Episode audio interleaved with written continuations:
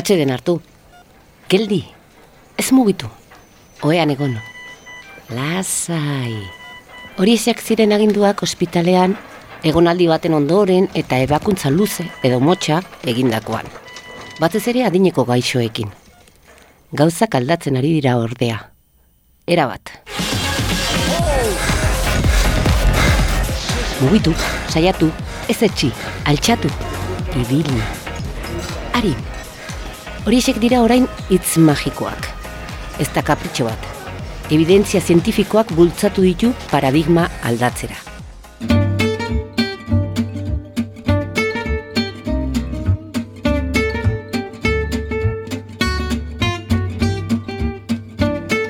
Zientzia puntu puntuan. Nafarroako Unibertsitate Publikoaren divulgazio zientifikoko podcasta. Emaio zuiaten adimenari. Ongi etorri entzule. Zientzia puntu puntuan hogeita zeigarrena atala duzu hau. Ariketa fisikoa pilula balitz, ez legoke errezetatuko ez lukeen medikurik. Edo zein dela razoia, eriotza riskua murrizten du. Kardiopatiak, garun odietako gaixotasuna, hipertensio arteriala, koloneko eta bularreko minbizia.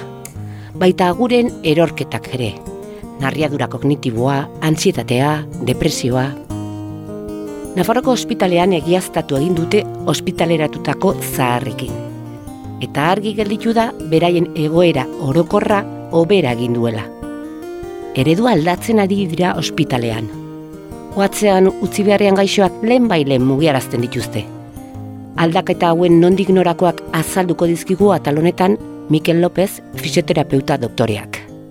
Egunon? Egunon, zer moduz. Mikel López naiz, altxasuarra, formazioz fisioterapeuta. Fisioterapia gradua egin nuen tuteran, en upen, Gero masterra Bartzelonan eta azkenean ba, doktoretza ikasketak hemen iruñan, e, Mikel Izquierdorekin eta Nikolas Martinez Beliarekin, zuzendari bezala. Eta oain ba, Nafarrako Unibertsitate Publikoko irakaslea naiz, eta iketz gisa nabil Navarra biomeden. Ba, ariketa fisikoaren onurak, Aiton amonekin eta beste ba, poblazio batzuekin ba, aztertzen eta azkenean ba, ariketa fisikoaren inguruan hainbat ikerketa lantzen.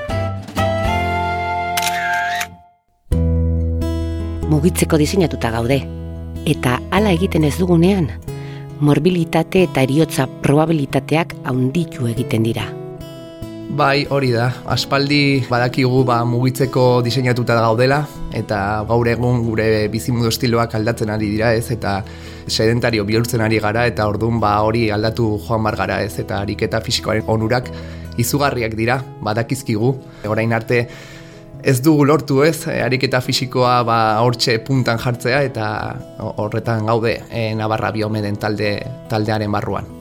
Nafarroko Unibertsitate Publikoko ospitaleko eta Navarra Biomed zentroko zenbait ikertzaileek ikerketa batean ondorio estatu dutenez, hiru egunez bana-banako ariketa fisiko programa bat egiteak, arindu egiten du ospitalean egotearekin lotutako desgaitasuna, irurogoita mabost urtetik gorako personengan ikerketa honen emaitzak estatu batuetako medikuen elkartearen aldizkarian argitaratu dira. Ikusi genuen da duala aspaldi, ba, hospitalizazioak zenolako kaltea sortzen zitun, batez ere aiton, aitona monetan, baino beste poblazio batzuetan baita ere. Eta lehen biziko gauza izan zen hori pixka bat objetiboki neurtzea, ez?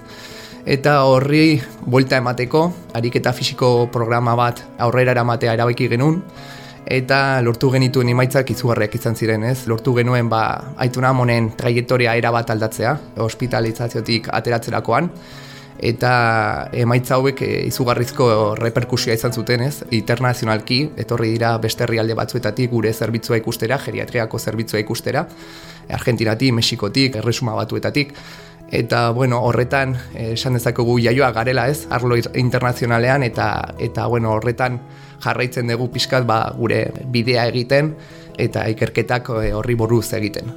Egia, bati bat adinekoek dute ospitaleratzeko arriskua. Alta eman eta urte betera, pazienten erdiek baino gehiagok ez dute berreskuratu ospitalean sartu aurreko maila funtzionala. Ondoriak, askotan, latzak. Zarretxe batean sartu behar, izatea, eta beste batzutan eriotza ere. Bai, ba, ariketa fisiko programa baten bidez, individualizatuta, batez ere indare entrenamenduan oinarrituta, lortu gunen, ba, lauz pa bost egunekin, ba, aitona monen bizikalitatea erabat aldatzea, ez? Kusi genuen nola funtzionalki hobetu sentitzen ziren, arlo kognitiboan baita, eta hori ba, ez genuen entrenamendu kognitiborik egiten beraiekin, eta horretan ere emaitza lortu genituen, eta ikusi genuena izan zen ba Aitona Amonen bizitza era bat aldatzen zela, ez? Ikusten genuen ba beraiek oso gaixo egon arren, ba ariketa fisikoaren onurak lortzen genituela beraiekin eta hori ikusita esan genuen ba haiek egiten baldin badute, ba zergatik ez beste poblazio guztia, ez? Eta hasi zineten bestelako gaixoekin ere lanean. Egin du Covidaren inguruan beste programa bat, COVIDaren sintomatologia pixka bat saiesteko edo hobetzeko eta bueno, gaur egun ba, gaude lanean baita ere osasun mentalaren kontuarekin, ez? Pero onurak pixka bat neurtzen eta ikusten. Zen jakin, bagenekien, ariketa fizikoa ona zela, non dago aldaketa, zein da aldaketa?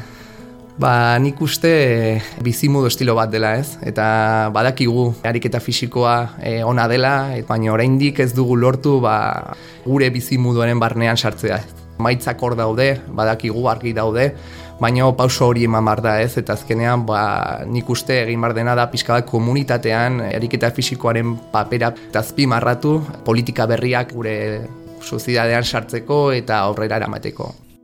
Ari dira, pitinka pitinkaan neurri berriak indarrean jartzen, eta paradigma aldatzen. Ebakuntza luze eta larriak egin ondoren, orain saiatzen dira gaixoak mugiarazten bailen gauzak asko ikaragarri aldatu dira. Izugarri, paradakima aldatu e-, eginda era bat, eta asko posten nago horrek. Azkenean e, hori esan nahi du, ba, orain arte egin ditugun ikerketak kontuan hartzen direla, emaitzoiek hor daudela, eta bueno, azkenean e, traslazio kliniko hori egin bar da gure zerbitzuetara.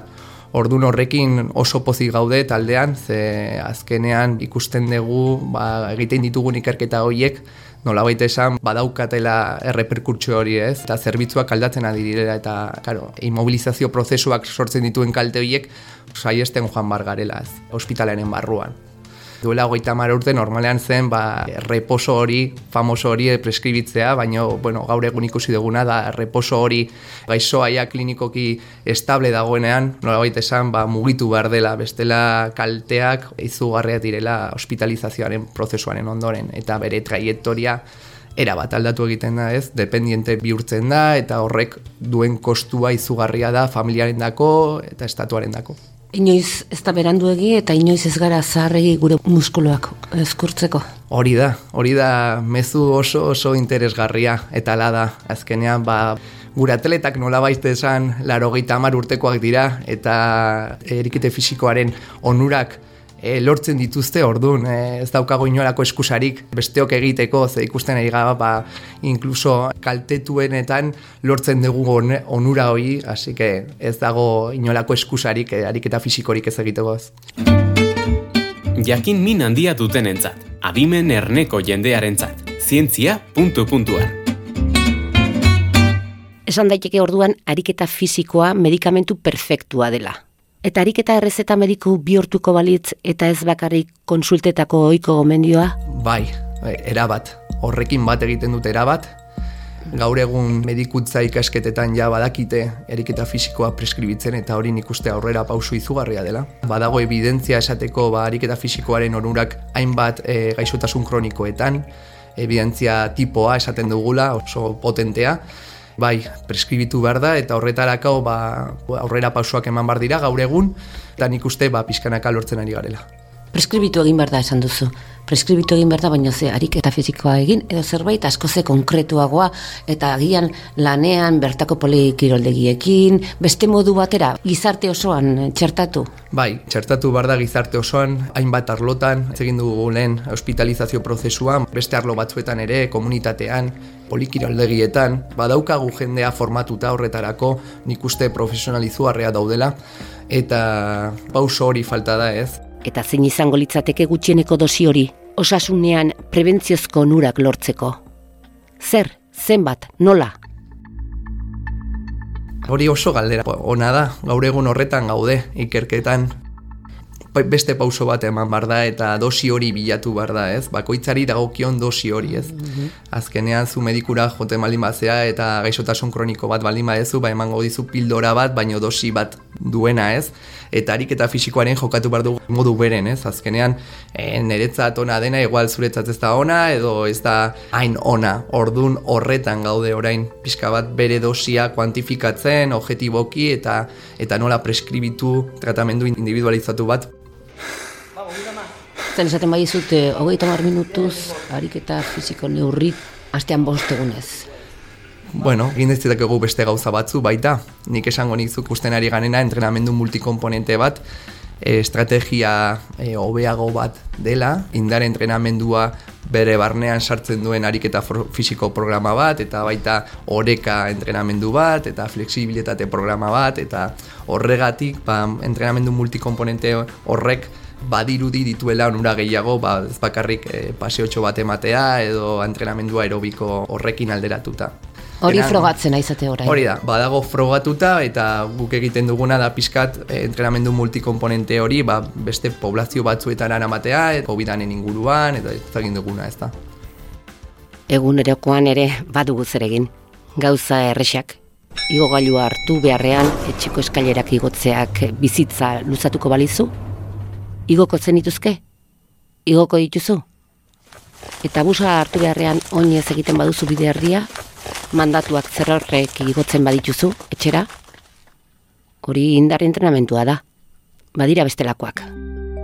Oinez joan, izan daiteke beste aldaketa bat, eta gero baita, ba, igual zure bizitzan, igual orduko tartetxo bat, e, ordu bat, e, berrogeita os minutu, ba, ariketa fisikoari ba, garrantzia emaz, ez? Eta berrogeita uns minuto hietan, pues, pizkat jarduera fisikoa egin, eta horrekin, ba, ja, pizkanaka, pizkanaka, hitz egin dugun errekomendazioa pizka bat betetzen, ez? Eta gero izan daiteke baita indara entrenamendu bat, gimnasiora jun, baita zure bizitzako arla soziala landu, beste zure adineko beste jende batzuekin, ariketa fisikoa egin, eta, bueno, horiek dira estrategiak, ez?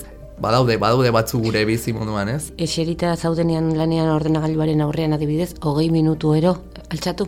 Hori bai, bai, hainbat enpresa aldatzen ari dira, hori baita, ez, gure lanak egeroz eta sedentarioagoa dira, eta orduan, ba, sartzea hori deskantxo aktiboak deitzen ditugunak, ez, altxatu, bueltatxo bat eman, itzegin inguruko jendearekin, eta gero bueltatuko zara zure, zure lanera, ez, eta estrategia horiek, bai, sartu bar dira, ez.